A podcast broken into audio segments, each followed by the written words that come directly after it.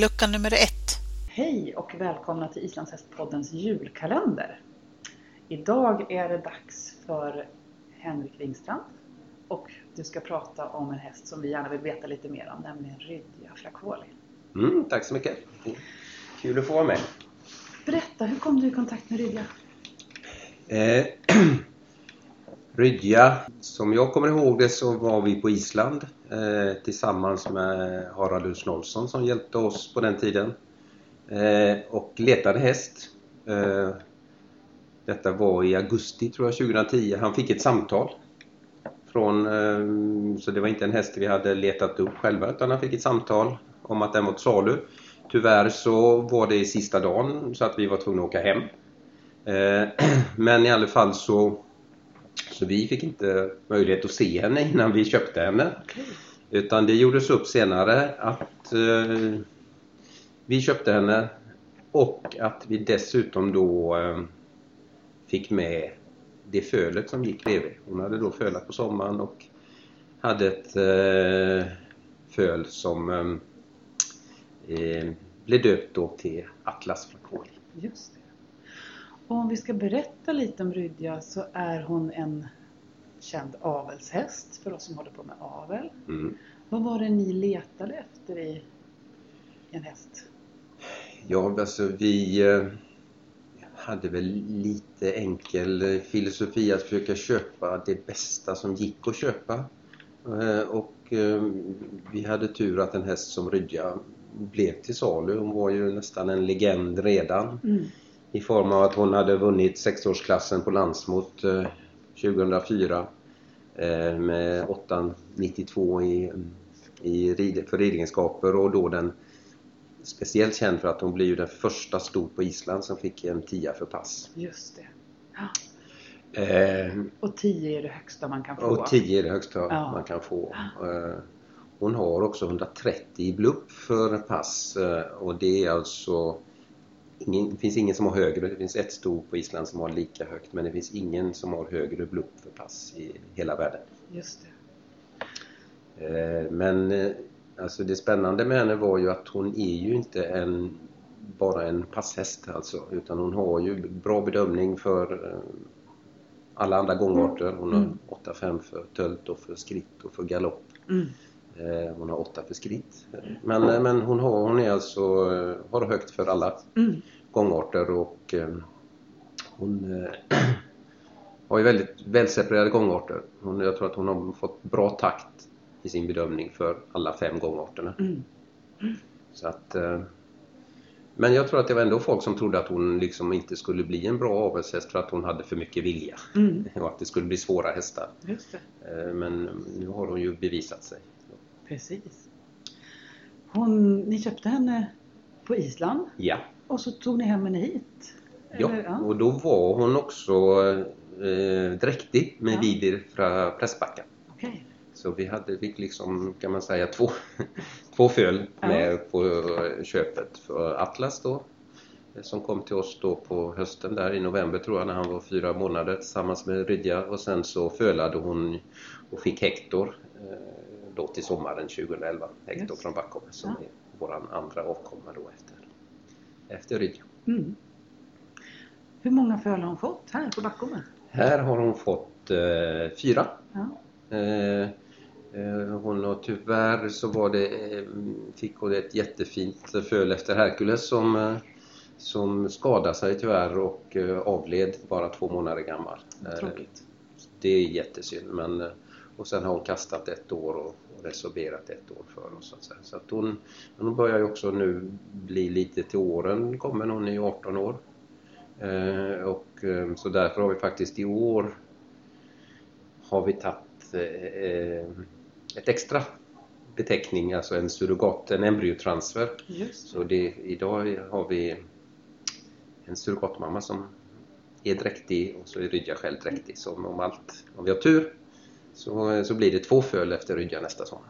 Det är ju fantastiskt att man kan göra så. Ja, det är jättekul och speciellt när det är en äldre häst så om man dessutom har tappat eh, några år och inte fått något föl så är det kul att kunna ta igen det helt Mm. enkelt genom att ta ett extra. Mm. Så hur många avkommor har hon totalt? Hon har eh, åtta, åtta eller nio avkommor totalt varav då sex är bedömda. Ja. Och det har ju blivit så bra. På islandshästar så är det ju ett, ett system att man kan få belöningar för bra avkommor. Mm. Så i år på avelsvisning, eller på avels eh, höstmötet Ja, så fick hon hederspremie för avkommor. precis. Och det är ju fantastiskt kul. Det är ju faktiskt inte så många ston som når så långt. Eh, och eh, Så därför är det jättekul för oss. Eh, men det är också intressant att hon har ju eh, då en syster, numera avliden visserligen, men en syster som också är hederspremierad. Ja, På, eh, som befann sig på Island. just det. Så Ska att det vi, finns ju, ja, ska vi berätta lite vad, vad innebär hederspremie för de som inte vet? Hederspremie innebär att man har fem bedömda avkommor. Nu har Rydja sex för hon fick ju, alltså det gick fort, hon gick, fick två stycken Ja. till som tillkom i somras. Eh, Man ska ha fem eh, bedömda avkommor och så ska man ha, själv ha en blupp över 115. Just. Eh, Rydja har nu med de fina bedömningar som vi har fått efter Atlas och, och Hera och Hector så har hon faktiskt, även om hon är 18 år gammal, en blupp på 125 Just det. idag. Så det är ju väldigt högt. Mm. Så hon har bevisat sig själv på avelsvisning. Ja, det, Mm. man, man kan säga att det intressanta med henne är att hon ger, alltså hon ger ju avkommorna får med sig väldigt mycket av hennes kvaliteter.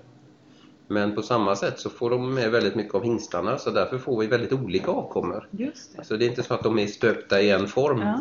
på något sätt utan eh, som de vi har som, eh, som Atlas är ju kraftfull och villig och eh, men också otroligt snäll eh, i sin karaktär. Eh, Hector är ju lite mer dämpad. Eh, inte riktigt samma vilja och han kommer säkert bli en fantastisk tävlingshäst. Men helt annat i lynnet. Ja. Och så har vi då Hera som har liksom fått med sig Brajis som är efter Braji från Kopparvåge och fått med sig hans eh, extrema rörlighet och smidighet Mm. och elasticitet. Eh, så att eh, jag tror att det är det som gör henne till så bra avelshäst att hon både får med hennes egenskaper plus liksom det bästa från de hingstarna som hon Just det.